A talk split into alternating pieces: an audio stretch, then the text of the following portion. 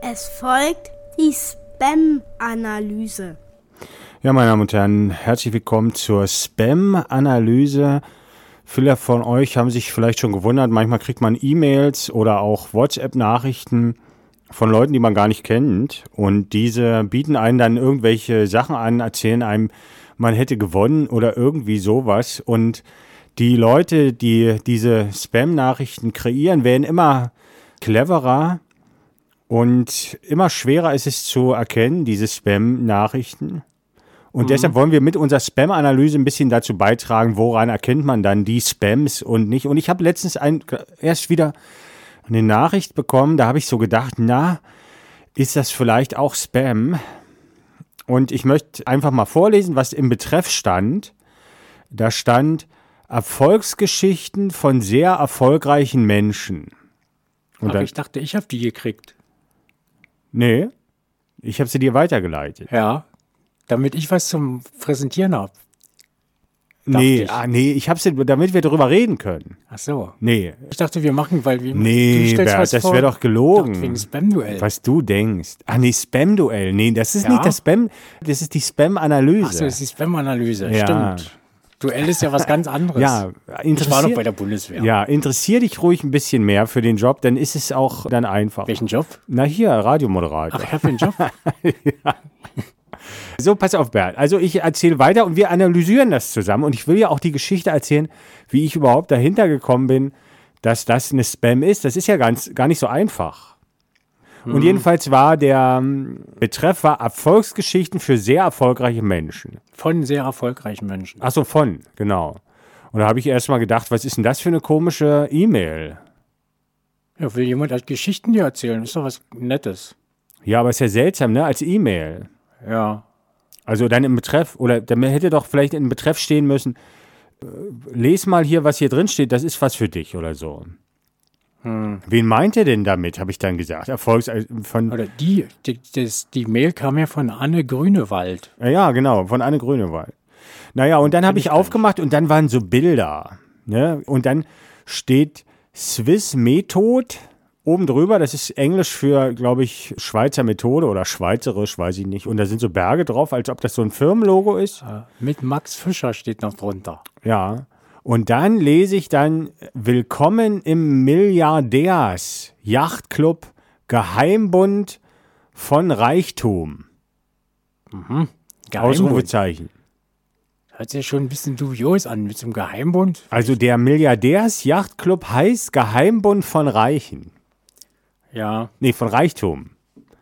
Das ist schon mal total seltsam, oder? ja. Also, Ich meine, ein Geheimbund heißt doch nicht Geheimbund. Ja, genau, ne? Geheimbund heißt doch dann Illuminati oder so, aber der heißt doch nicht Oder die Geheimbund von Partei. Reichen. Das ist ja, das, Das, ist ja Einzige, was ich in der Richtung kenne, ist die Partei, die die Partei heißt. Ja, stimmt. Das ist das Einzige. Ansonsten, das ist, und da habe ich mir schon gedacht, was? Erstmal habe ich gedacht, so, willkommen im Milliardärsclub, äh, Yachtclub, Milliardärs-Yachtclub. Und da habe ich so gedacht, na ja, ich bin schon mal mit zum, mit zum Ruderboot gefahren, ne? Aber das hat mir ja auch gar nicht gehört. Ausgeliehen, ne? Das war nur ausgeliehen. Auch so wie über Reivi. Ja. Über Ruderi. Und da, warum bin ich da jetzt im Yachtclub und dann Milliardär bin ich auch nicht? Ja, Also da muss sich einer richtig verzählt haben. ja. Aber habe ich gedacht, naja, vielleicht lassen die jetzt auch Leute mitmachen, die äh, bloß 10 Euro haben. Wie heißt das eigentlich? Naja, weil vielleicht nicht so viele Bewerber sind wie bei der Bundeswehr. Ja. Und deswegen sinken die Standards. Guck mal, ein Millionär heißt ja, weil der eine Million hat. Milliardär heißt, weil er. Und wie heißt denn einer, der 1000 Mark hat? Oder Euro? 1000. Tausender. Tausendsasser. und, ich, Tausendbär. und ich wäre so der 10 Euro näher. Zähne, Zähneröhr. Ja, irgendwie. Naja, und da bin ich schon hell, da dachte ich schon, na, vielleicht ist ja die, ist ja diese ganze E-Mail gar nicht für mich. Und dann steht daneben, Swiss-Methode ist die unübertreffbare Art, den grenzenlosen Luxus zu erleben und nachdem sie dem Club der Millionä Milliardäre, Millionäre, jetzt sind es bloß noch Millionäre, jetzt eine sind bloß Millionäre, Millionäre. eingetreten sind, ist das der Urlaub an dem sie sich gewöhnen. Ja, Das, das ist doch mal ein Slogan. Das ist der Urlaub, an dem sie sich gewöhnen. Stark. Kann, wenn so Computer so die Texte schreiben, ne, ja. da kommt richtig was Spaßiges bei raus. Ne? Weiß nicht, ob das ein Computer gewesen ist. Ein Übersetzungsprogramm eventuell. Übersetzungsprogramm, glaube ich. So, jetzt und dann ist darunter ein Foto, da sieht man so zwei junge Mädchen mit Badeanzug auf, auf einer Couch sitzen, die auf, auf einem Schiff drauf ist, glaube ich. Ja, das im Wasser schwimmt. Und im Hintergrund ist noch ein, ist das ein Swimmingpool da auf dem Boot. Äh, das kann ich nicht so sehen. Ich sehe bloß, also da ist so ein See und da ist ein Berg dahinter.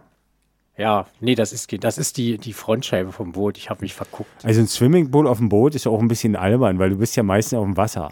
Ja, eben, Das Swimmingpool ist draußen. eben. Aber auf dem, auf dem Traumschiff gibt es auch einen Swimmingpool. Nee, das stimmt, aber da kannst du ja nicht ins Wasser schwimmen. Da ist springen. man gleich tot, wenn man da runterfällt. Ist so hoch.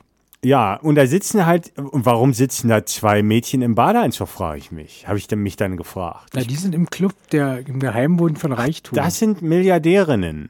Ja. Aha. Oder, oder die Leute, die mit Milliardären abhängen. Ach so, die hängen mit denen ab. Ja, und hier steht dann irgendwie, sich sonnen, schwimmen, picknicken, Wassersport betreiben, an Land oder unter Wasser erkunden. Was? Das ist auch wieder von einem Übersetzungsprogramm. Oder sich einfach zurücklegen und ein gutes Buch lesen. Mit der Gewissheit, dass ihr Kontostand nie zu knapp ist zum Geld ausgeben. Ja. Also wir wären dann schon reich. Ne, also wenn wir so da viel auf dem mitmachen. Konto, das wird nicht, we- äh, wird nicht alle. Ja. Zum Start geben wir dir ein Saldo in Höhe von 10.000 Euro. Äh, aha. Das, ist schon- schon, das hört sich gut an, Bert. Ja, ah. Was ist denn ein Saldo? Für, die, für uns hört sich äh, Was ist denn ein Saldo? ja das ein ein Ist Saldo das sowas wie was- ein, wie ein Salto? ja, ich weiß nicht genau. So ein Kontostand. Ich glaube Kontostand. Ich, glaub, auf dem Kontoauszug steht auch immer so Saldo. Aha, also ist das, ist das ein Kredit oder was uns gehört dann? Das weiß ich gar nicht. Was man damit macht, das steht ja gar nicht da, ob man das zurückzahlen. Und dann steht drunter, gib Geld für alles aus, was du willst. Aber das ist Also ja 10.000 Euro ganz schön wenig. Aber oder? das mache ich sowieso schon irgendwie. Ja, Also gut, Miete zahlen will ich eigentlich gar nicht, muss ich aber. Ah. Aha. Du musst gar keinen Cent anlegen, wir decken dein Umlaufkapital. Das wird gedeckt. also wir geben mir 10.000 Euro und ich muss dann irgendwas damit machen, damit ich Millionär werde. Ein Wel eine Welt öffnet sich für dich, wo der Luxus und die Prachtsucht Die Prachtsucht. alltäglich sind. Ja, Das wird als was Positives gesehen, Prachtsucht. ich meine, wir meinen ihn meinen Prunksucht. Und hier kann man die Mitgliedschaft akzeptieren, ob ich mal drauf klicke. Ach, ach so, Da kriegt man 10.000 Euro. Ich bin kurz davor. Aber das ist doch irgendwie. Ich weiß, ich kenne ja die Mädels auch gar nicht. hier steht ja noch kleiner drunter. Die Verwendung des Millionärsclub 3.0 ist einfach und keine Vorbildung ist erforderlich. In bloß sieben Tagen kannst du den Gebrauch der Plattform erwerben. Aha. Ja, das kommt mir aber schon ein bisschen komisch vor. Ich glaube, das ist tatsächlich Ja, Spam. Ich glaube, da kann man gar kein Millionär werden. Ja, und dann steht ja einmal Milliardärs-Yacht-Club und dann Club der Millionäre. Das ist doch, das haut doch alles nicht hin, Bernd. Mhm. Nee, irgendwie. Nee, da Die machen wir Schweizer Methode. Äh, da machen wir nicht mit. Die Schweizer Methode einfach nicht Mhm. Da beim antworte Krieg ich einfach mitmachen. gar nicht. Ja. Ich antworte da nicht. Nee, wir, ich auch nicht. Wir sind uns einig. Das war's. Mhm. Weg. Das war die Spam-Analyse.